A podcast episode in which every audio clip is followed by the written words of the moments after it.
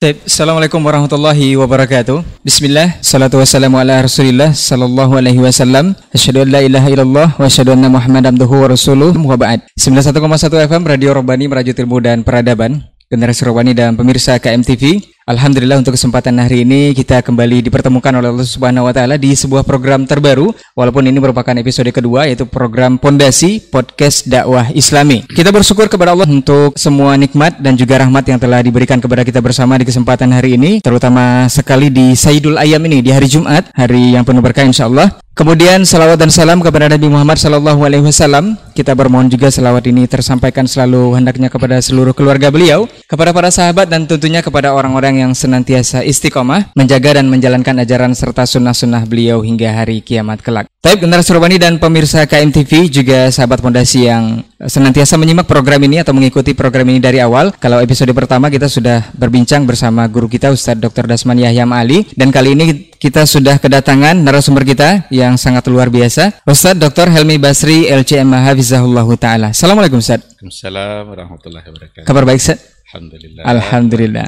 Tapi Ustaz, seperti yang sudah informasikan sebelumnya untuk antum semua, kita akan membahas sebuah tema Ustaz yang sepertinya penting tidak penting memang harus penting ini Ustaz, yaitu bumikan Al-Qur'an dan langitkan tauhid. Nah, ini mungkin menjadi perwakilan atau pertanyaan-pertanyaan yang banyak masuk terutama di Robani Ustaz di WA Robani. Kenapa penting topik atau pembahasan ini kita bahas saat ini Ustaz? Khususnya memang kondisi-kondisi saat ini. Ini kenapa penting? Fadal Ustaz. Baik, bismillahirrahmanirrahim. Alhamdulillah wassalatu wassalamu ala Rasulillah wa ala alihi wa sahbihi wa mawalah. Kita bersyukur pada Allah Subhanahu wa taala pada pagi hari ini bisa melakukan acara ini dengan sebuah tema yang tentu saja kita sangat yakin bahwa ini adalah sesuatu yang sangat urgen gitu ya, penting. Penting dalam menjawab berbagai persoalan kehidupan kita. Karena nampaknya permasalahan dalam kehidupan kita ini tidak pernah berhenti bahkan nyaris tidak pernah berkurang gitu tapi bertambah terus. Ada persoalan sosial dalam pergaulan ada persoalan keagamaan ada masalah pendidikan ada masalah politik masalah ekonomi. Semua mengalami perubahan dan menimbulkan masalah gitu. Bahkan kalau seandainya kita coba bayangkan ketika pertama Nabi diutus dulu juga ada tengah-tengah persoalan yang ada di tengah-tengah masyarakat dan masalah kita hari ini berimbang kayaknya bahkan bisa melebihi apa yang ada pada masa pada masa jahiliyah dulu.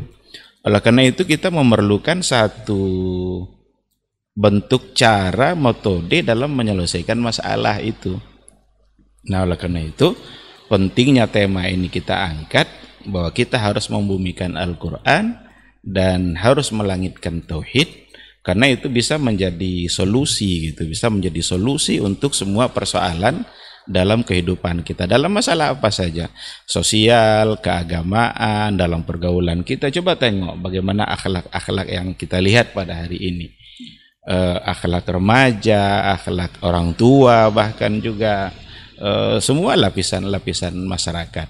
Dulu itu persoalan seperti itu juga dihadapi oleh Rasul gitu. Maka diturunkanlah Al-Quran itu oleh Allah untuk menjadi solusi bagi persoalan-persoalan yang yang terjadi. Hmm. Nah, masalah akhlak umpamanya kita harus kembalikan kepada Al-Quranul Karim. Mudah-mudahan itu bisa diselesaikan. Kita harus serius dalam mencari solusi ini. Karena sudah capek kita untuk mencari solusi dari otak kita sendiri. Orang berpikir menyelesaikan persoalan dengan cara mereka sendiri. Tapi lupa mereka untuk menyelesaikan masalahnya dengan cara Rasulullah Sallallahu Alaihi Wasallam. Dulu Rasul berhasil dia menyelesaikan masalah di tengah-tengah masyarakat jahiliyah karena dia tidak memikirkan sendiri, dia hanya melakukan apa yang disuruh oleh Allah untuk dijadikan solusi. Hmm. Dalam masalah ekonomi umpamanya, persoalan riba, datang aturannya dalam agama. Atur oleh agama baik-baik dalam persoalan ibadah, dalam persoalan muamalah. Kalau muamalah itu nanti kan boleh saja kita berkreasi, tapi ada nanti diatur oleh Al-Quran aturan-aturan umum gitu. Nah, aturan umum ini harus kita jaga. Tidak boleh ada kezaliman, tidak boleh ada ketidakjelasan, tidak boleh ada gharar, tidak boleh ada riba. Itu namanya aturan umum. Perkara muamalah itu kita kembangkan dengan berbagai macam bentuk transaksi yang ada. Silahkan saja. Asalkan dalam setiap transaksi itu nanti bisa menjaga aturan-aturan umum. Nah, mengembalikan aturan umum Al-Quran dalam kehidupan inilah yang paling penting bagi kita eh, hari ini. Dan kita tahu bahwa yang pertama sekali yang diajarkan oleh Al-Quran adalah tauhid. Adalah tauhid. Maka ketersambungan antara hidup kita dengan dengan Al-Quran dan dengan tauhid itu itu harus harus ada. Bagaimana Rasulullah Shallallahu Alaihi Wasallam mengajar para sahabatnya, memberitahukan para sahabatnya siapa yang menciptakan mereka, untuk apa mereka diutus, diperkenalkanlah mereka dengan Robnya, dengan Allah yang menciptakannya. Itu semua adalah bagian dari tauhid yang harus kita langitkan. Nah, maka kehidupan bumi ini memang tidak boleh terpisah dari langit bagaimana kita menyambungkan antara kehidupan kita di bumi dengan dia yang ada di langit kalau seandainya memang kita ingin menyelesaikan persoalan-persoalan kita di dalam di dalam kehidupan. Saya kira seperti itu sekilas tentang tentang pentingnya masalah ini. Menarik Ustadz dari tema yang uh, yang kita bahas saat ini uh, bumikan Al-Qur'an dan langitkan tauhid. Ini memang uh, sepertinya memang sangat penting dan sangat urgent seperti penjelasan Ustaz tadi. Cuman eh, aplikasi seperti apa yang dimaksud atau sikap yang bagaimana yang harus diterapkan kalau memang kita harus mewujudkan membumikan Al-Qur'an dan melangitkan tauhid ini Ustaz. Iya. Mungkin Ustaz bisa memberikan gambarannya. Al-Qur'an itu kan sebagai panduan. Nah, kita kalau seandainya apa namanya itu pergi ke sebuah tempat rekreasi, kita akan cari itu panduan di tempat rekreasi itu mana hotel yang bagus, mana restoran yang ini, mana lokasi-lokasi rekreasi yang yang menarik. Ya. Itu panduan namanya itu. Kalau kita pergi ke satu tempat. Nah, Allah Subhanahu wa taala ketika dia ciptakan alam ini dan dia ciptakan juga manusia yang akan memakmurkan alam ini, kita ini kan ibaratnya musafir ke satu tempat menuju tempat yang sesungguhnya. Nah, oleh karena itulah Allah Subhanahu wa taala memberikan panduannya. Kalian nanti kalau sampai di dunia nah, agar benar-benar sampai nanti ke tempat yang sesungguhnya yaitu surga, ah, ini panduannya. Maka Al-Qur'an itu diisi oleh ayat. Ayat itu dalam bahasa Arab itu artinya tanda. Kira-kira begini kalau mau kita analogikan, kalau kita berjalan di jalan raya, Ya. Sebentar-sebentar nanti kita akan tengok itu tanda rambu. Rambu. Rambu kan rambu-rambunya. Kalau seandainya di depan kita ada jalan mendaki, dikasih gambar bahwa ada jalan mendaki. Hmm. Kalau nanti ternyata di depan ada jalan menurun, tajam turunannya itu. Akan ada pula gambar. Untuk apa gunanya gambar itu? Itu rambu. Ayat itu itu sesungguhnya rambu itu. Jadi ayat-ayat Al-Qur'an itu tanda-tanda dalam perjalanan yang harus kita lihat betul. Karena dalam Al-Qur'an itu nanti ada ayat-ayat yang berkaitan dengan yang haram, ada ayat-ayat yang berkaitan dengan yang halal yang diperintahkan, yang haram-haram oleh Allah tentu untuk kita hindarkan. Kalau seandainya ada umpama jalan buntu, tiba-tiba ada tanda jalan buntu situ. Masa kita mau terus juga? Kalau mau terus tentu kita akan masuk akan masuk jurang. Ya. Jadi ayat itu itu sesungguhnya rambu itu itu itu artinya Al-Qur'an diisi dengan berbagai macam rambu-rambu dan ayat-ayat Allah, tanda-tanda Allah yang harus kita patuhi dalam dalam kehidupan. Ayat-ayat yang berkaitan dengan perintah itu berarti adalah untuk dikerjakan. Dan ayat-ayat yang berkaitan dengan larangan itu tentu saja adalah untuk di untuk dihindarkan. Nah, kalau mau kita pahami secara baik bagaimana sebenarnya maksud membumikan Al-Qur'an itu, ya memahami dan menerapkan tanda-tanda yang ada yang diberikan Allah dalam dalam dalam kehidupan kita itu. Nah, eh, sehingga dengan cara dengan cara itu eh, kita menjadikan Quran itu sebagai bimbingan dalam kehidupan kita gitu. Karena memang Quran itu kan Allah sendiri yang membahasakan. Hudan kan? Hudan linnas. Ada lagi hudan lil muttaqin petunjuk bagi manusia secara keseluruhan. Tapi ketika manusia secara keseluruhan tidak mau menggunakan Al-Quran atau sebagian mereka tidak menggunakannya, maka hudalil muttaqin menjadi petunjuk bagi kehidupan orang-orang yang bertakwa. Oleh karena itu, Al-Quran ini sebenarnya bukan hanya untuk umat Islam saja, tapi untuk alam secara keseluruhan, untuk manusia secara keseluruhan. Bahkan dalam persoalan dunia, Seandainya ada orang-orang yang tidak muslim, tidak beriman kepada Al-Quran, tapi diterapkannya isi Al-Quran itu, dapat dia kebaikan-kebaikan yang dijanjikan oleh yang dijanjikan oleh Allah dalam dalam kehidupan dia di dunia. Ah, meskipun nanti di akhirat kan eh, mereka tidak akan berpengaruh eh, berpengaruh apa-apa eh, terhadap kebaikan yang mereka yang mereka lakukan. Jadi dalam persoalan kehidupan kita, hidup kita itu hanya pada dua hal. Ada pada masalah ibadah dan ada pada masalah al-ada. Jadi kita ini hidup dihiasi oleh dua hal ini saja. Al-ibadat wal adat. Al-ibadat itu ya persoalan-persoalan ta'abudiyah kita kepada Allah.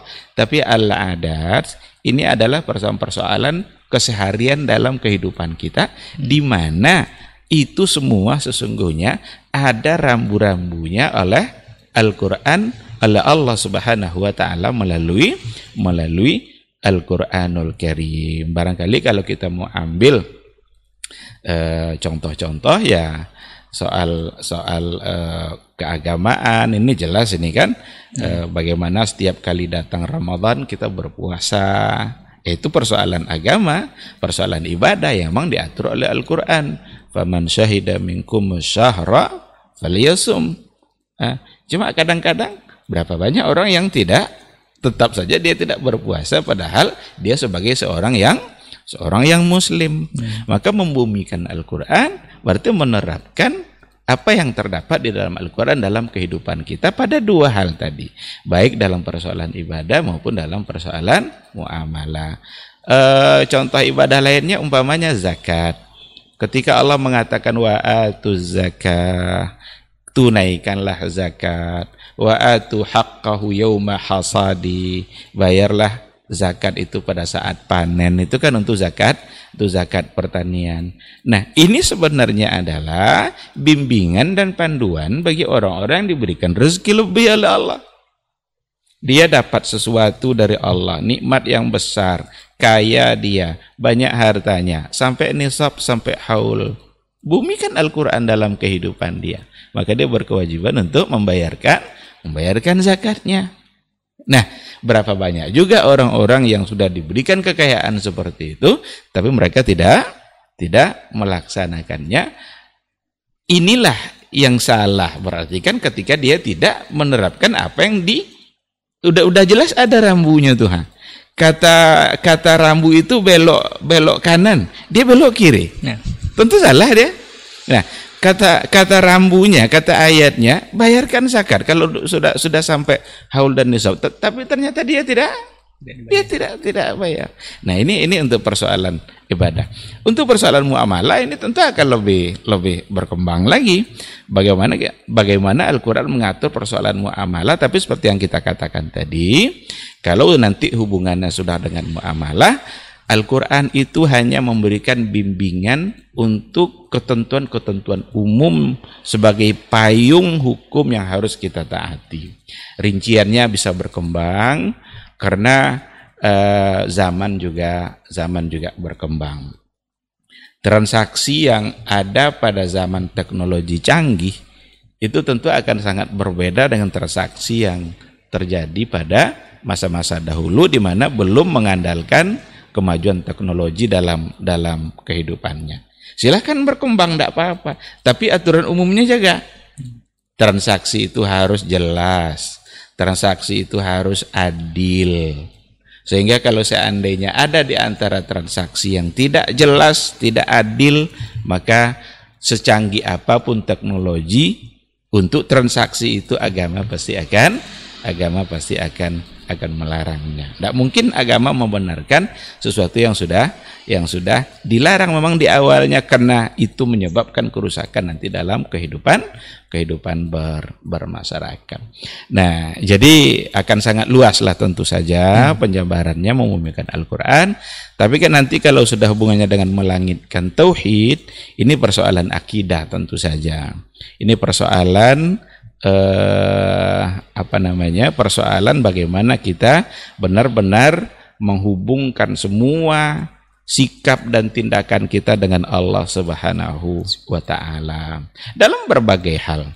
Kita kalau bicara uh, tauhid atau akidah, umpamanya kita ambil satu persoalan, persoalan rezeki umpamanya. Bukankah kita sibuk untuk mencari rezeki? Semua kita sibuk mencari rezeki.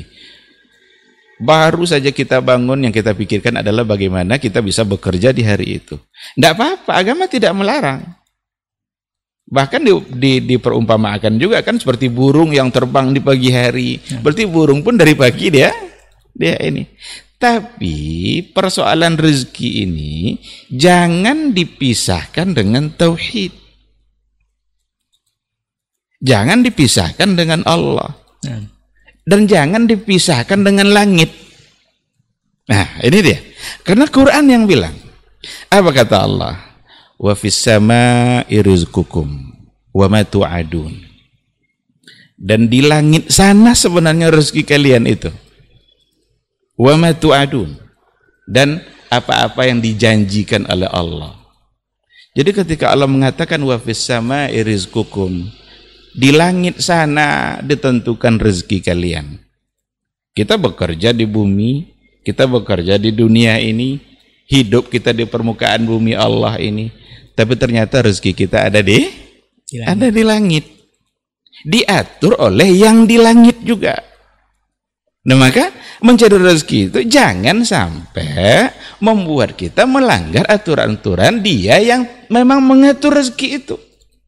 Jadi ada panjang penjabarannya sebenarnya oleh oleh para ulama tafsir ya tentang wafis sama iris kukum di langit sana ada rezeki kalian. Di antara maknanya adalah rezeki kita ini ditentukan. Muqaddarum minallahi subhanahu wa ta'ala. Ya. ditentukan diatur ditakdirkan oleh Allah subhanahu wa ta'ala dia yang mengatur, dia yang menentukan. Kita dapat berapa hari ini, apa yang berhak kita miliki untuk hari ini, apa yang berhak untuk kita nikmati hari ini, itu semua ditentukan dari langit sana.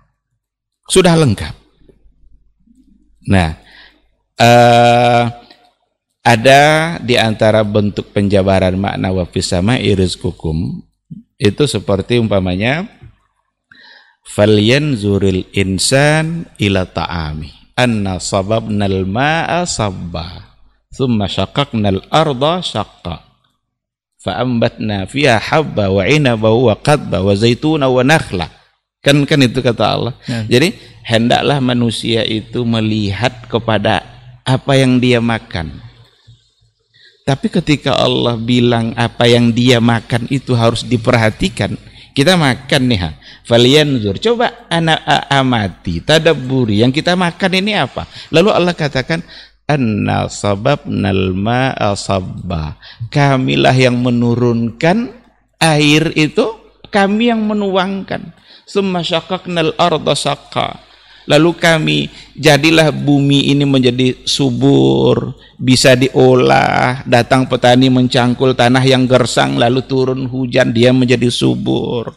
Maka tumbuhlah berbagai macam makanan wa zaitun wa nakhla, zaitun dan dan kurma. Maka ketika kita makan di dalam makanan kita itu sesungguhnya ada tauhid. Di dalam makanan kita itu ada iman. Karena yang kita makan ini sesungguhnya adalah turun dari yang di langit. Nah. Hujan turun dari yang langit. Nah ini juga di antara ayat-ayat yang yang memang mengatakan bahwa Allah itu di Ini lari lagi ke situ masalahnya gitu. Nah, Karena terlalu banyak ayatnya, terlalu banyak. Wa fis sama'i rizqukum. Di langit ada rezeki kalian. Kita di bumi ma- masa di, di, di langit rezeki kita. Dia yang di langit yang mengatur yang mengatur eh, rezeki kita. Ah, cuma kita tidak perpanjang dari sisi itu, kita hanya ingin mencoba bagaimana maksud melangitkan melangitkan tauhid itu. Jadi di makanan kita saja itu ada akidah, ada iman, ada tauhid yang harus kita yakini. Apa pun yang kita makan, eh, kita di Indonesia barangkali yang kita makan nasi. Siapa yang menumbuhkan nasi ini? Petani tidak bisa dia membuat beras, tidak bisa. Tidak ada satupun petani yang punya kemampuan membuat Beras. membuat beras. Karena itu ditumbuhkan oleh Allah Subhanahu wa taala. Allah lah yang menurunkan menurunkan hujan dari langit sehingga tanah menjadi tanah menjadi subur. Kalau ada orang yang eh, makanan pokoknya kurma, saat dia memakan kurma itu dia harus ingat bahwa sesungguhnya itu datang dan diberikan oleh Allah Subhanahu wa taala. Itu baru satu dalam persoalan kehidupan kita yang biasa yang yang sangat nyambung betul dengan kebiasaan keseharian kita mencari rezeki. Maka sangat disayangkan betul kalau ada orang mencari rezeki dengan jalan yang haram. Allah bilang itu tidak boleh, ha. tapi dicari juga rezeki dengan cara itu.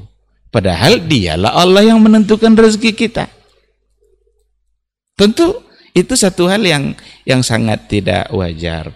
Atau ada orang yang demi mencari rezeki dia melupakan kewajiban-kewajibannya kepada Allah, kadang lupa sholat, sudah seharusnya waktu sholat, tetapi demi mencari rezeki, sholat bisa menjadi tinggal atau dilalaikan setidaknya. Ini satu hal yang juga sangat tidak sangat tidak wajar. Maka sekali lagi kita sambungkan betul kehidupan kita di dunia ini dengan iman dan tauhid kepada Dia yang di langit. Oleh karena itu, bumikanlah Al-Qur'an dan langitkanlah langitkanlah tauhid. Nah, satu contoh dulu kita kita angkat. Siapa tahu nanti bisa kita angkat eh, contoh-contoh yang yang lain insya Allah. Masya Allah Ustaz. Eh, memang dari tema ini kalau tadi kita sudah mengetahui betapa pentingnya membumikan Al-Quran dan melangitkan Tauhid, kemudian aplikasinya, ya Al-Quran merupakan panduan dalam kehidupan kita sehari-hari dan itu memang kita harus eh, baca buku petunjuk itu saya kalau ibarat eh, pabrik sebuah motor yang bikin buku petunjuknya kita tuh Iya. kita akan membaca bagaimana petunjuk Iya, betul. yang ada dikeluarkan oleh pabrik tersebut Dan yang yang paling paham ya dengan kita ya tentu yang menciptakan, menciptakan kita. kita. Kalau Nah, umpamanya kita beli radio Toshiba, kita baca panduan eh, Sony umpamanya, enggak nyambung. Nyambung. Harus yang kita baca itu adalah panduan yang dibuat oleh Toshiba. Baik. Jangan dibaca panduan Sony karena enggak nyambung. Mungkin tombolnya berbeda. Nah. Nah, ketika kita diciptakan Allah, yang paling mengerti dengan panduan hidup kita adalah Dia yang menciptakan. Maka akan sangat salah nanti kalau ada orang mencari panduan hidupnya selain Al-Qur'an, enggak mungkin karena bukan Dia yang memberikan kehidupan ini. Ustaz. gitu. Eh, sesudah dijelaskan tadi aplikasi eh, bahwa kita harus membaca buku panduan kita sekali lagi memang tidak layak kita membaca buku panduan yang lain selain dari Al-Qur'an Anul Karim. Kemudian ini kalau membumikan Al-Qur'an tadi sudah dijelaskan Ustaz. Tidak adil rasanya kalau kita tidak membahas kenapa kita melangitkan tauhid. Nah, ada satu ungkapan kalau di zaman saya sekolah dulu Ustaz, kalau SD lah dibilang ya, sekolah dasar, kalau makna atau arti dari kata Tauhid atau kalimat la ilaha illallah itu adalah tiada Tuhan selain Allah Ustaz. Tapi ada juga akhir-akhir ini bahkan sudah sering juga kita dengar bahwa itu bukan itu artinya Ustaz. Ada yang mengatakan bahwa la ilaha illallah itu artinya tidak ada ilah yang berhak diibadahi dengan benar selain Allah. Ini butuh penjelasan atau klarifikasi Ustaz. Ini mana sebenarnya yang pas ini Ustaz? Iya, baik. Eh, ini sebenarnya menggambarkan kemiskinan bahasa kita di hadapan bahasa Arab atau bahasa Al-Qur'an. Nah, Karena kalau kita lihat terjemahan-terjemahan gitu ya, ilah itu diartikan juga Tuhan. Nanti Rob diartikan juga Tuhan. Maka Rabbul Alamin Tuhan sekalian alam. Hmm. La ilaha illallah tidak ada Tuhan selain Allah. Jadi ilah juga artinya Tuhan, Rob artinya Tuhan, maka miskin sebenarnya bahasa kita itu di hadapan bahasa Al-Quran atau bahasa Arab gitu. Maka tidak usah dimaki-maki bahasa Arab itu. Bahasa Arab itu bahasa yang sangat luas, sangat indah dan melebihi semua bahasa. Karena Quran dalam bahasa dalam bahasa Arab. Nah, eh, kalau kita lihat dalam penjabaran oleh para ulama gitu ya, ilah itu memang diartikan ma'bud uh, la ma'buda bihaq. Nah. Atau la muta'a bihaq. Tidak ada yang pantas disembah secara benar kecuali Allah. Tidak ada yang berhak ditaati dalam kehidupan kita ini selain daripada Allah. selain daripada Allah. Itu di antara makna makna ilah. Namun dalam terjemahan di kita memang sering diartikan Tuhan gitu. Nah. Tapi ketika saya coba tengok terjemahan Al-Qur'anul Karim baik yang dulu atau yang yang terbaru sekarang itu yang dari Majma' Malik Fahad kan ada itu lajnah fantasi itu orang-orang uh, ahli bahasa Indonesia dari Indonesia kan itu sudah di apa diartikan tidak ada Tuhan lalu dibuat dalam kurung yang berhak disembah Hmm. Tetap dibahasakan di situ kata kata Tuhan karena tidak punya lagi bahasa selain selain itu gitu. Mau diartikan apa gitu. Hmm. Jadi wa ilahukum ilahu wahid. Kan? Dan Tuhan kamu ah ketika diartikan Tuhan itu dibuatkan di dalam kurung eh, kata yang pan, yang pantas yang berhak untuk di untuk disembah. Di dalam surat Toha juga ketika dikatakan innani anallah la ilaha illa ana, itu dalam terjemahannya juga dibuat dalam terjemahan uh, mushaf itu, itu tidak ada Tuhan tapi dalam kurungnya yang berhak disembah selain selain Allah. Barangkali yang penting bagi kita bukan bukan dipakai kata Tuhan atau tidak karena begitulah bahasa kita yang yang bisa mewakili untuk kata kata ilah yang lebih penting itu justru adalah memahami substansinya. Kata la ilaha illallah itu kalimat tauhid yang ada di situ nafi lalu kemudian isbat. Jadi dinafikan dulu semua bentuk ilah yang dijadikan sesembahan. Dinafikan. Tidak ada yang berhak untuk disembah. Apa yang kalian sembah itu itu salah. Karena itu itu bukan bukan sesembahan yang benar. Apa Ustaz?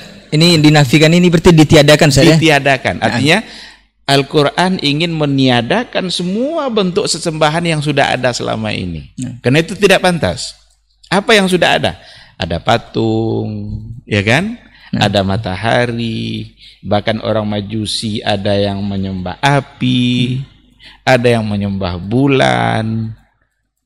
Mereka terpukau dengan keindahan bulan purnama, dianggapnya itu sebagai Tuhan. sebagai Tuhan. Tapi semua itu ternyata tidak pantas untuk disembah. Dinafikanlah semua bentuk yang sesembahan yang pernah ada itu dan sesembahan apa pun yang akan ada pada masa berikutnya itu ternafikan. Lalu diberikan kata isbatnya illallah. Kecuali hanya kecuali hanya Allah. Berarti menetapkan nih ya? Ah, ditetapkanlah oleh Al-Qur'an bahwa yang paling berhak disembah, yang paling berhak tempat kita beribadah di eh, ibadahi, yang paling berhak untuk kita taati hanyalah hanyalah Allah. Ketika ini sudah dinafikan semuanya ditiadakan, diisbatkan satu.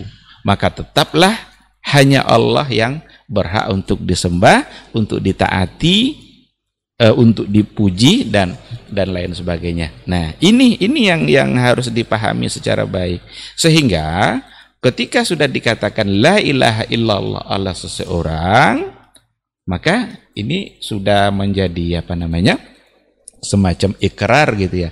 Ikrar dari hati dia bahwa dia tidak akan menjadikan apa pun selain Allah sesuatu yang disembah dan ditaati. Dan ini lafaz ini luar biasa. Hmm. Lafaz yang memisahkan seseorang dari agama yang sebelumnya.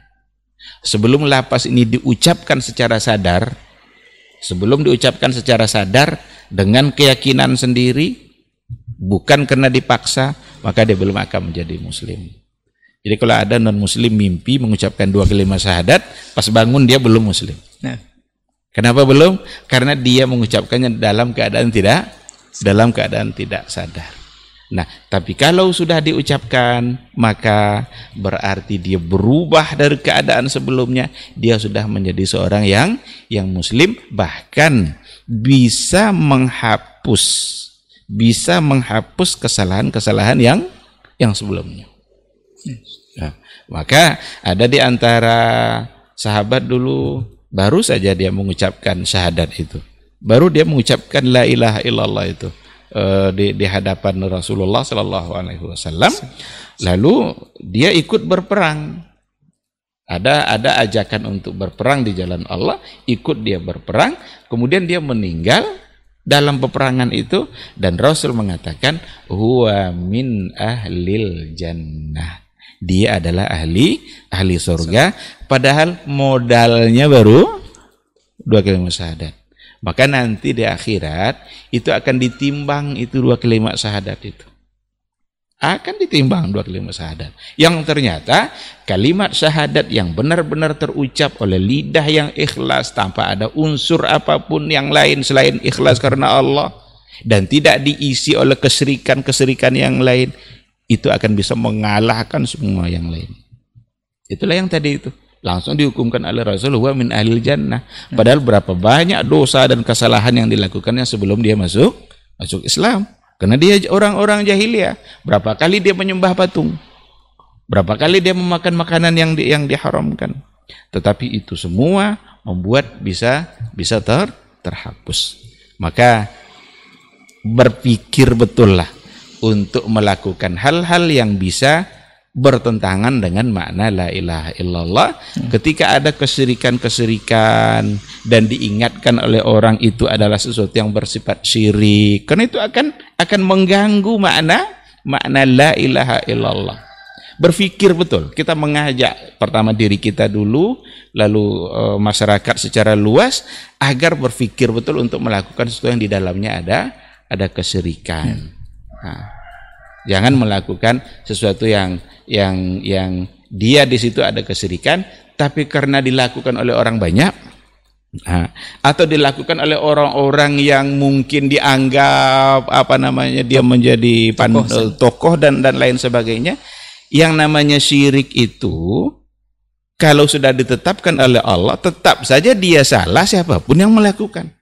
Mau tokoh dia mau mau sepanjang setinggi apa pun sorbannya itu tidak ndak ndak ada lagi kalau Allah sudah mengatakan itu sesuatu yang sesuatu yang salah kita harus berpikir betul agar kita tidak terjebak kepada kepada kesalahan-kesalahan yang ternyata itu bertentangan dengan makna la ilaha illallah. Taib. Jazakallah khair Ustaz untuk klarifikasi dari uh, terjemahan atau makna dari kata la ilaha illallah ini memang memang harus diluruskan sebenarnya untuk uh, kalimat terjemahan tidak ada masalah sebenarnya saya tapi iya. substansi dari substansi. terjemahan itu sendiri. Kita hubungkan lagi Ustaz bahwa tadi Ustaz mengatakan bahwa uh, ada hal yang berat dari kata la ilaha illallah ini. Berarti kalau memang itu menjadi sesuatu yang sangat bisa menghapuskan dosa yang lalu kemudian bisa memasukkan kita uh, seseorang itu ke dalam sorga jika memang dia sadar mengucapkan kalimat itu tentu ada konsekuensi yang berat di balik itu Ustaz. Ini sebenarnya apa konsekuensi dari syahadat itu sendiri Ustaz? Iya. Kata la ilaha illallah ini Ustaz. Betul. Ketika syahadat sudah diucapkan, berarti dia sudah berikrar. Nah. Itu janji dia kepada Allah untuk mentaati Allah. Nah, coba kalau kita baca sejarah betapa beratnya Abu Talib itu paman Nabi untuk mengucapkan dua kalimat syahadat. Nah. Sangat berat dan bahkan tidak jadi dia ucapkan. Sampai Nabi sedikit agak-agak memaksa itu kan. Ayolah ucapkan. Terucap aja itu itu sudah sudah sangat ini kan dan itu yang diharapkan Nabi tapi Abu Talib tidak mengucapkan. Kenapa demikian? Abu Talib paham dia maknanya. Paham dia artinya. Ya. Substansi dari la ilaha illallah yang di, yang kalau dia ucapkan dia paham. Apa itu? Dia akan pisah total dengan kehidupan sebelumnya. Kebiasaan jahiliyahnya harus ditinggalkan secara total. Apa yang menjadi kebiasaan dia bersama kaum-kaumnya harus ditinggalkan. Kalau sudah diucapkan la ilaha illallah. Padahal dia adalah seorang tokoh di tengah-tengah masyarakat. Ini yang buat dia tidak tidak mau. Kita malah jadi khawatir jangan-jangan Abu Talib lebih paham makna la ilaha illallah dari masyarakat yang hidup hari ini gitu. Karena hari ini syahadatain itu sudah menjadi ada yang jadi nasyid, nah. kan ada nasyid uh, nyanyi-nyanyi syahadatain kan? Nah, la ilaha illallah la ilaha. Itu lafaz itu bukan sekedar lafaz. Nah, jangan sampai tidak di tidak dipahami. Nah, maka jangan-jangan Abu Talib lebih paham karena orang hari ini setiap hari mengucapkan la ilaha illallah, tapi berkali-kali juga dia menentang makna dari kata la ilaha la ilaha illallah. Nah, oleh karena itu, tentu saja konsekuensi dari la ilaha illallah itu itu bagaimana dalam kehidupan kesehariannya dia hidup di dalam bingkai la ilaha illallah itu. Jadi kan syahadat itu asyhadu alla ilaha illallah wa asyhadu anna muhammadar rasulullah ini yang harus menjadi bingkai dalam kehidupan kita.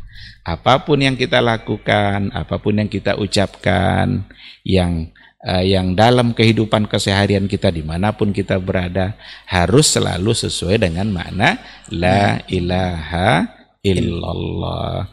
Ketika Allah melarang umpamanya uh, untuk menipu umpamanya, itu kan sebagai konsekuensi kita mengucapkan la ilaha illallah berarti kita berjanji untuk mentaati Allah. Maka kita harus mentaati Allah dalam persoalan agar tidak menipu. Ketika Allah melarang untuk mengambil hak orang lain eh, dalam apa saja sebagai pedagang jangan ambil hak pembeli kadang-kadang ditipu-tipu timbangan itu. Ya. di kantor jangan ambil hak orang lain. Siapa yang berhak mendapatkannya berikan kepada yang berhak itu. Jangan karena karena karena kadang-kadang ada permusuhan ada kedengkian sehingga hak-hak orang lain itu dicoba untuk dihalang-halangi dengan jabatan yang dia punya umpamanya. Ini akan dipertanggungjawabkan semuanya dan jadi la ilaha illallah itu berkonsekuensi dalam kehidupan tentu saja bagaimana kita menepati janji kita kepada Allah apa pun yang menjadi aturannya itu yang harus untuk kita kita taati. Saya kira penyebarannya tentu akan lebih akan lebih luas dari itu. Baik Ustaz, e, memang ada konsekuensi istilahnya ada hal yang berat di balik ucapan itu Ustaz makanya imbalannya ataupun ganjarannya memang sangat luar biasa juga diberikan oleh Allah Subhanahu wa taala. Ya. Kita berlanjut Ustaz dari kalimat la ilaha illallah tadi katanya ada kalau kita berbicara masalah uh, tauhid Ustaz, melangitkan tauhid ini ada saat ini memang lagi viral atau memang lagi banyak diperbincangkan atau warawiri di media sosial bahkan di kehidupan kita sehari-hari. Ada yang mengatakan bahwa makom tertinggi dari tauhid itu sendiri adalah ma'rifatullah Ustaz atau mengenal atau kedekatan dengan Allah. Ini ada yang mengartikan kalau kedekatan dengan Allah itu menyatu antara dirinya dengan Allah Ustaz dari ajaran-ajaran ataupun hal-hal pemahaman yang berkembang saat ini. Apakah memang ini bisa dibenarkan atau memang ada uh, makam tertinggi itu di sisi Allah dengan ma'rifatullah tadi atau memang seperti yang sudah diartikan tadi Ustaz, menyatu antara dirinya dengan Allah. Bahkan ada juga sekarang yang viral sudah orang gila yang dianggap memang punya kedekatan dengan Allah Subhanahu wa taala. Ini seperti apa Ustaz? Iya. Betul. Uh, bahwa kita harus mengenal Allah nah. itu wajib, pasti itu. Bahkan uh, dalam al-usul salasa itu memang yang pertama sekali yang harus kita pahami itu adalah ma'rifatullah. Mengenal Allah. Mengenal Allah. Karena dia Rob kita. Harus kita kenal dengan siapa yang menciptakan kita. Nah, siapa yang memberi kita rezeki? Apa panduan dia dalam kehidupan kita? Ke mana nanti kita setelah kehidupan ini? Kita akan menghadap dia. Akan disidang nanti. Maka mengenal Allah, mengenal siapa itu Allah, itu isi Al-Quran sebenarnya. Dari awal-awal ayat Al-Qur'an itu kan sudah di sudah baru saja ayat Al-Qur'an turun. Itu sudah Allah memperkenalkan dirinya. Yang pertama turun kan Iqra ya. Iqra bismi rabbikal ladzi khalaq. Khalaqal insana min alaq. Allah di awal ayat memperkenalkan bahwa saya khalik kalian makhluk. Ini ma'rifatullah namanya. Nah. Kalau sudah kita pahami bahwa kita ini makhluk, dia adalah khalik, khalik itu kuat, kita lemah. Khalik itu kaya, kita miskin. Khalik itu punya semua sifat kelebihan, kita punya semua sifat kekurangan. Iya kan? Nah, ya, itu namanya ma'rifatullah. Ma'rifatullah dengan cara yang benar.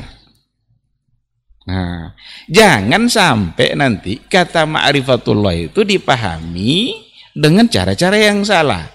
Maka pun muncul pula istilah-istilah ada ma'rifat, ada hakikat, ada syariat, hmm. macam-macam yang di yang di yang dibagi-bagi yang kadang-kadang menggiring kita kepada sesuatu yang membuat kita semakin tidak paham dengan dengan dengan Allah gitu.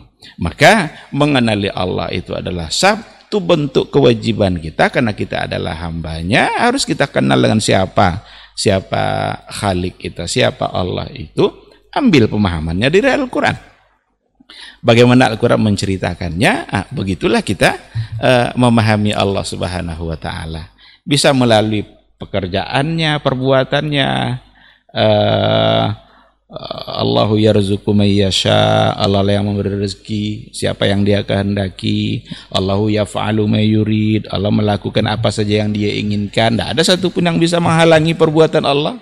Allah mau lakukan apa itu silahkan. Jadi bisa melalui afalnya, bisa melalui nama-nama dan sifatnya. Begitu cara kita mengenali Allah. Dan ambillah pengenalan kita terhadap Allah itu sesuai dengan yang ada dalam Al-Quran. Ketika dia katakan dia sifatnya ini, ya udah yakini. Karena dia yang ngomong. Masa Allah yang ngomong gitu lalu kita coba, eh ini ndak ini nih maksudnya ini. Ini maksudnya adalah begini. Hanya karena takut nanti untuk disamakan bahwa Allah dengan dengan makhluk. Sudah pasti tidak sama karena Allah sendiri yang bilang laisa kamitslihi syai'un. Karena berapa banyak orang yang yang mencoba untuk menolak yang dikatakan oleh Allah atau setidaknya bukan menolak tapi mentakwilkan mungkin maknanya karena dugaan yang tadi itu. Padahal Nabi sendiri tidak mentakwilkannya.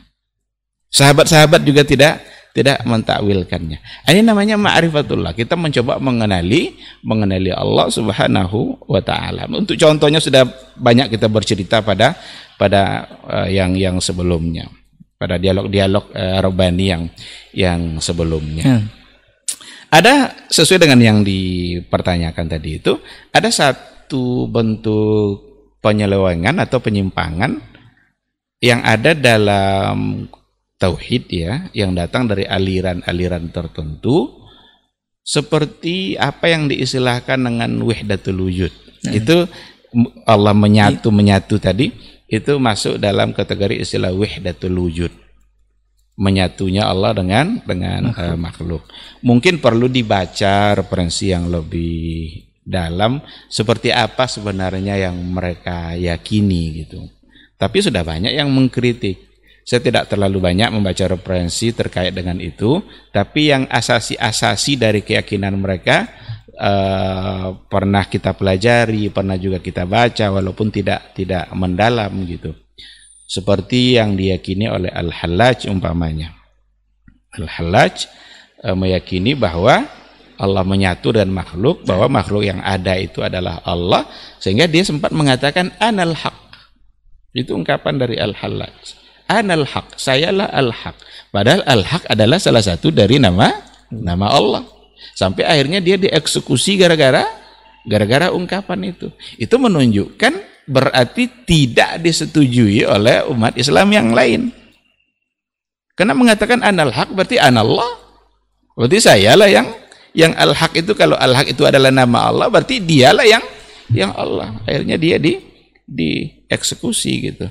Uh, Apa Ustaz? Agak agak menjurus sedikit Ustaz. Kalau hmm. dari uh, penjelasan Ustaz tadi al-halaj ini sudah meng mengatakan dirinya bahwa dia ada al-haq salah satu dari nama Allah. Iya. Itu berarti sudah diklaim sesat atau seperti apa Ustaz? Dan bagaimana orang yang saat ini yang tidak mengatakan al-halaj ini sesat ataupun kafir ataupun menyimpang ini seperti apa Ustaz? Ini kan iya. bagian dari tauhid juga Ustaz. Iya dan dan inti dari dari dari tauhid. Jadi karena dia meyakini bahwa kesatuan Allah dan makhluk itu ada. Jadi ya. apa yang kita lihat itu adalah eh, sesungguhnya adalah adalah Allah. Maka bisa Allah menyatu dengan dengan dengan dirinya gitu. Ya. Maka dirinya itu adalah Allah.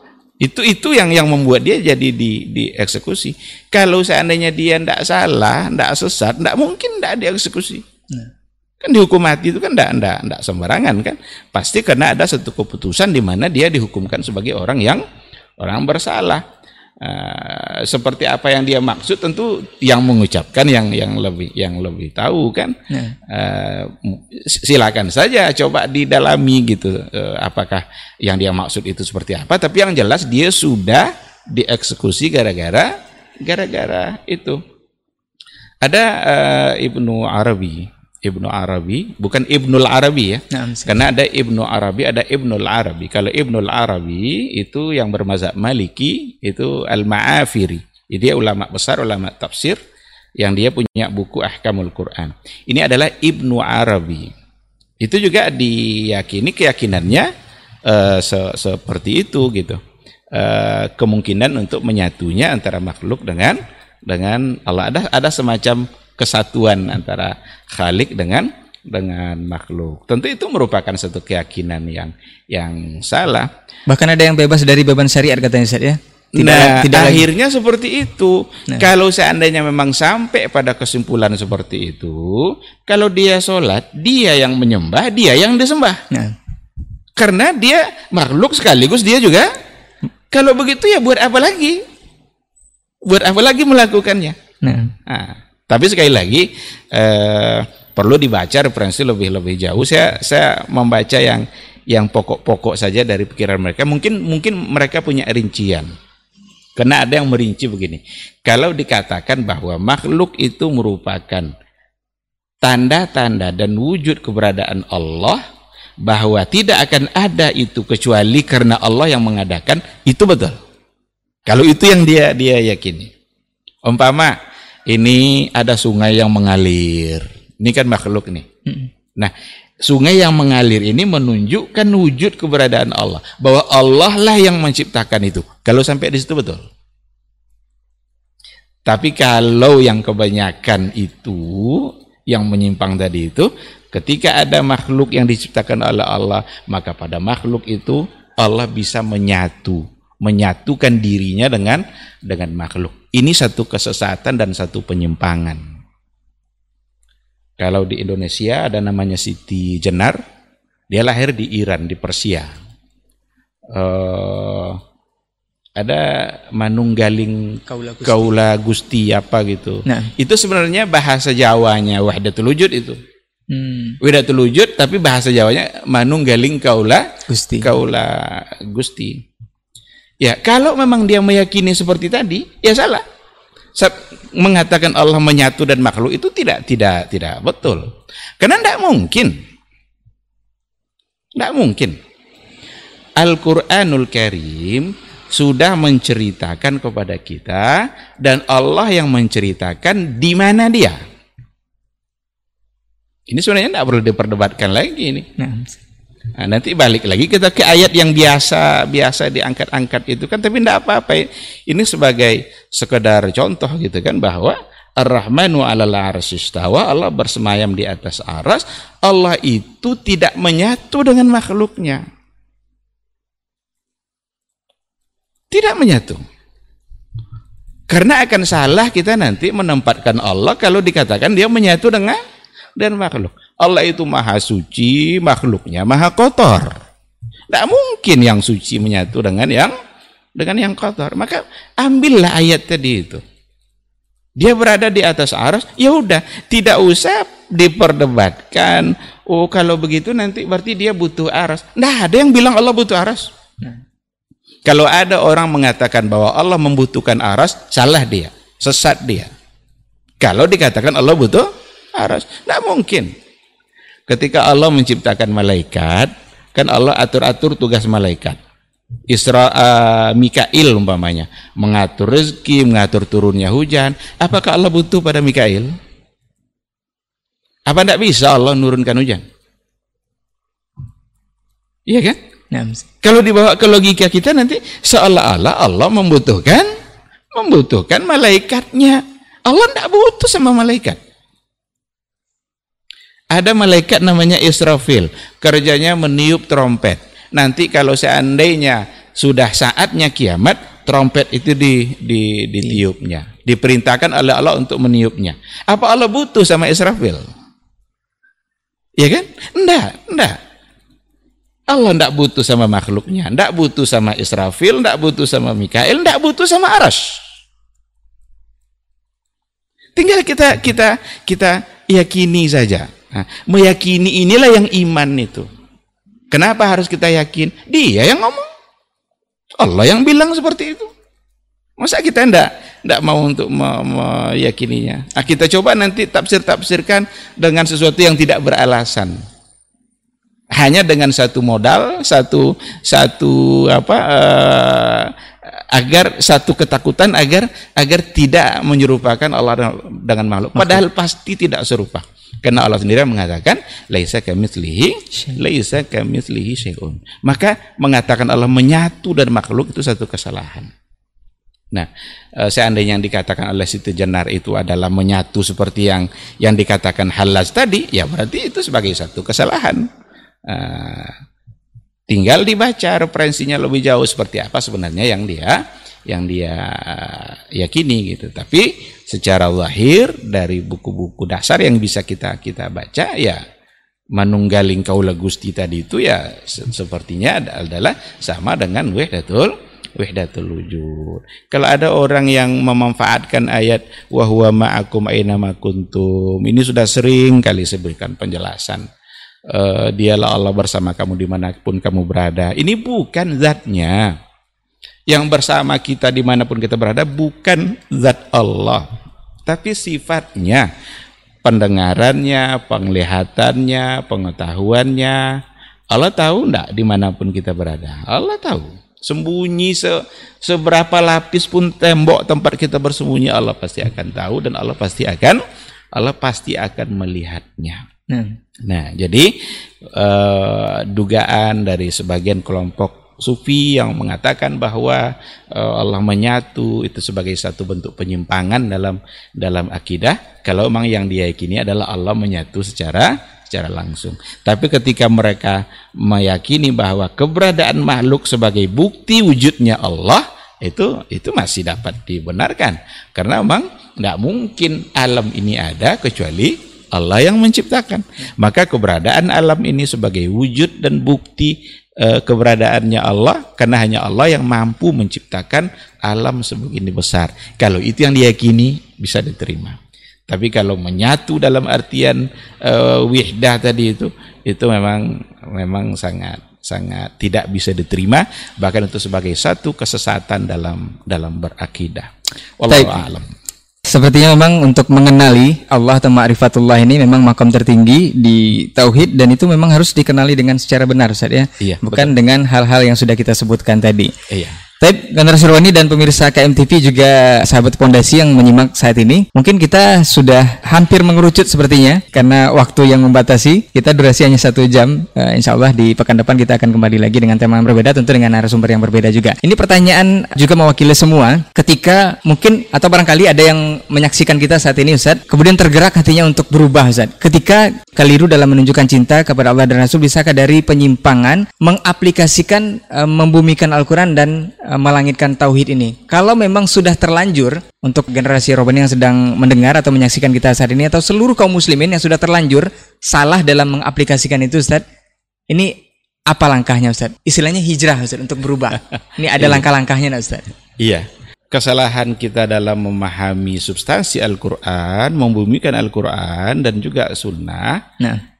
khususnya dalam persoalan cinta ini, itu bisa membuat kita salah dalam mencintai. Bisa. Karena ada langkah-langkah, sikap-sikap, tindakan-tindakan yang diharapkan dia mendapatkan cinta Allah, tapi ternyata yang didapatnya adalah murka. Nah. yang diharapkannya adalah cinta, membuktikan cintanya kepada Rasul, tapi justru dia melakukan penyimpangan, penyimpangan, penyimpangan. Itu mungkin, mungkin saja terjadi. Oleh karena itulah agama ini tidak boleh semata-mata berpatokan kan pada perasaan. Cinta itu kan rasa itu. Nah. Kita ingin mencintainya lalu kita kita kita ungkapkanlah perasaan cinta kita itu dengan semau kita tidak bisa. e, maka tetap lagi-lagi apalagi cinta itu persoalan hubungannya dengan dengan agama kan. Nah. Cinta Allah, cinta Rasul, ini bukti iman ini. Iman itu ada pada cinta itu. Tidak sempurna keimanan seseorang sebelum dia mencintai mencintai Allah dan Allah dan Rasul. Maka kita diajar juga oleh Nabi itu bagaimana cara mencintai. Mencintai Allah, mencintai Rasul.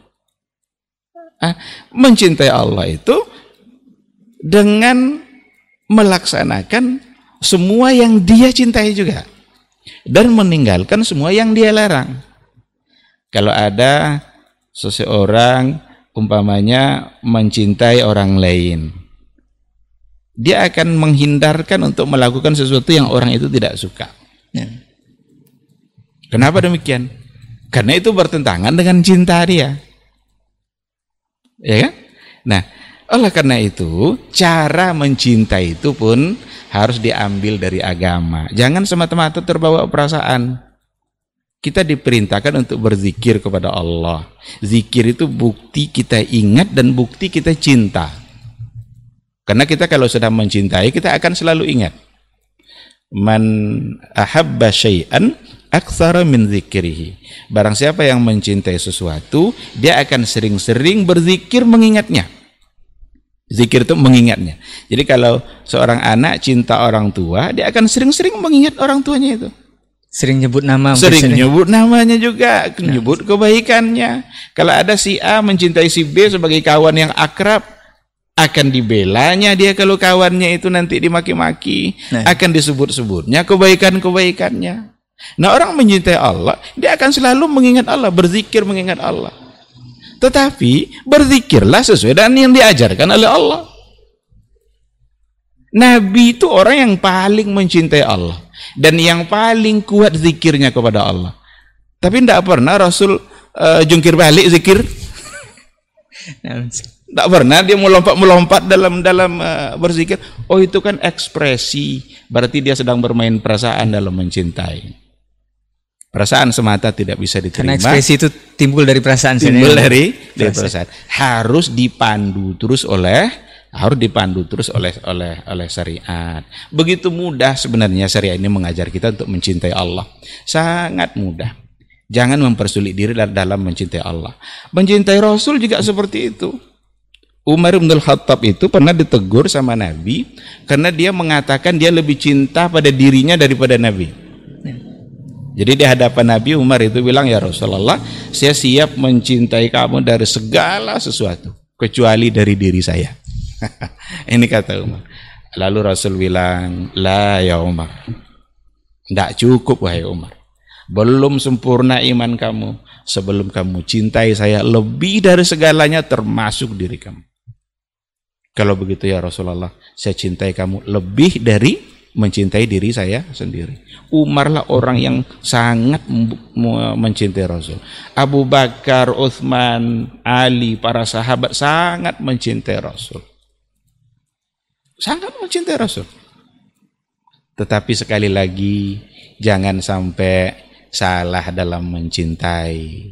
Mencintai Rasul itu mencintai sunnahnya mencintai apa yang beliau suka, membenci semua yang beliau benci. Tapi kalau kita benci kepada apa yang dia cinta dan kita cintai apa yang dia benci, ini omong kosong. Maka mencintai Rasul, mencintai sunnahnya dan membenci bid'ah. Tentu itu. Maka eh, ikhwati fillah, cara bagaimana kita membuktikan cinta itu juga di, diatur oleh oleh agama. Sekali-kali tidak boleh terbawa perasaan uh, saya ingin contohkan ya apa yang ini juga sudah sering saya sampaikan tapi perlu nampaknya untuk ya, diulang-ulang karena sudah menjadi viral gitu. Mungkinkah orang hari ini Kalau dia begitu mencintai Nabi, sangat cinta kepada Rasul, uh, lalu ketemu sama Nabi? Tidak mungkin. Tidak mungkin. Pasti tidak mungkin. Apalagi dia anggap ketemu dalam keadaan tersadar, lagi pula ketemu dan Nabi menyampaikan sesuatu untuk diamalkan. Ini tidak mungkin. Mustahil. Mustahil.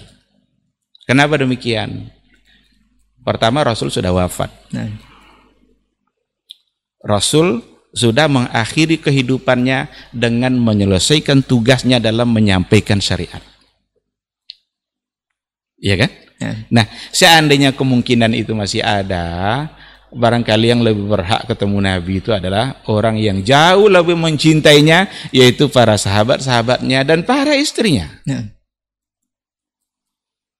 Dulu terjadi perang Siffin itu, perang Jamal uh, antara Aisyah uh, dengan ada sahabat-sahabat yang kan kan fitnah kan nah. disampaikan oleh Nabi nanti akan terjadi fitnah bahkan di kalangan para para sahabat uh, Tolha dan Zubair uh, Ali lalu ada Aisyah di di sebelah pihak yang disebut dan Ma'arakatul Jamal kalaulah memungkinkan Nabi untuk ketemu lagi saat itulah Nabi akan datang untuk memberikan penjelasan apa sebenarnya yang yang terjadi. Tapi tidak ada tuh Nabi datang.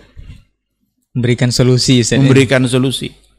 Nah, tiba-tiba ada orang hari ini dengan selawat-selawat yang dia baca, kadang-kadang selawatnya pun uh, entah benar entah tidak. Jangan-jangan dalam selawat itu ada ada syirik-syiriknya. Nah. Karena banyak juga di antara selawat yang dibuat-buat itu yang ternyata substansinya mengandung unsur kesirikan uh, mungkin orang tidak sepakat mengatakan itu syirik ya itu lain-lain persoalan yang pro tentu tidak sepakat itu sebagai syirik tetapi dibawa kepada dalil yang ada bisa-bisa itu merupakan sebuah sebuah kesirikan nah dengan membaca itu katanya kalau ini diulang-ulang anda akan bisa ketemu sama Nabi ketika terbangun ketika sadar begini mustahil nah. jadi Nabi sudah wafat dan syariatnya sudah sudah sempurna. Kemungkinannya memang dalam mimpi karena ada riwayat. Dan tidak mungkin pula semua orang ngaku-ngaku pada mimpi Nabi. Sekarang kalau kita tanya, ada orang ngaku-ngaku mimpi ketemu Nabi, siapa yang menjamin kalau yang dilihat dalam mimpinya itu adalah Rasul? Hmm. Nah, tidak ada yang bisa. Karena kita tidak tahu seperti apa wajahnya Rasul. Nah, maka tapi dikarenakan oleh ada hadis man ra'ani fil manam faqad ra'ani fa inna syaitana la yatamatsalu bi. Siapa yang melihat saya dalam keadaan mimpi dia itu benar melihat saya karena setan tidak mungkin menyerupai menyerupai saya. Maka ada banyak eh, kisah-kisah uh, para ulama Imam Ahmad umpamanya yang pernah uh, bermimpi melihat melihat uh, Rasul. Ya bisa karena cinta dia karena betapa dia merindukannya lalu dia bermimpi. Itu itu ada kemungkinan uh, tapi jangan pula dibuat-buat ceritanya dalam mimpi dia itu Rasul memberikan zikir baru lagi ini nah. lagi-lagi akan akan tidak diterima juga karena kalau itu dijadikan sebagai sebagai sebuah syariat yang harus diamalkan dalam kehidupan kita tentu berarti masih ada yang belum disampaikan oleh Rasulullah Sallallahu Alaihi Wasallam. Sekira seperti itu tanggapannya. Baik, jazakallah khairan Ustaz untuk satu jam lebih waktu kita untuk diskusi ataupun podcast kali ini dan mudah-mudahan saja ini memang menguatkan langkah kita untuk membumikan Al-Quran dan melangitkan Tauhid. Terakhir mungkin kita memang me mengaplikasikan itu semua dengan bentuk cinta kita kepada Allah dan Rasulnya. Dan mudah-mudahan juga Ustaz selalu dalam lindungan Allah Subhanahu Wa Taala dan bisa memberikan materi-materi selanjutnya. Afan untuk semua salah kata dan kita bicara, generasi Rawani dan pemirsa KMTV juga sahabat pondasi. Insya Allah di pekan depan kita akan kembali lagi dengan episode berikutnya dengan tema yang berbeda berbeda tentu dengan narasumber yang berbeda juga. Kita tutup dengan doa kafaratul majelis. Subhanakallahumma wa bihamdika asyhadu an la ilaha illa anta astaghfiruka wa atubu ilaik. Assalamualaikum warahmatullahi wabarakatuh.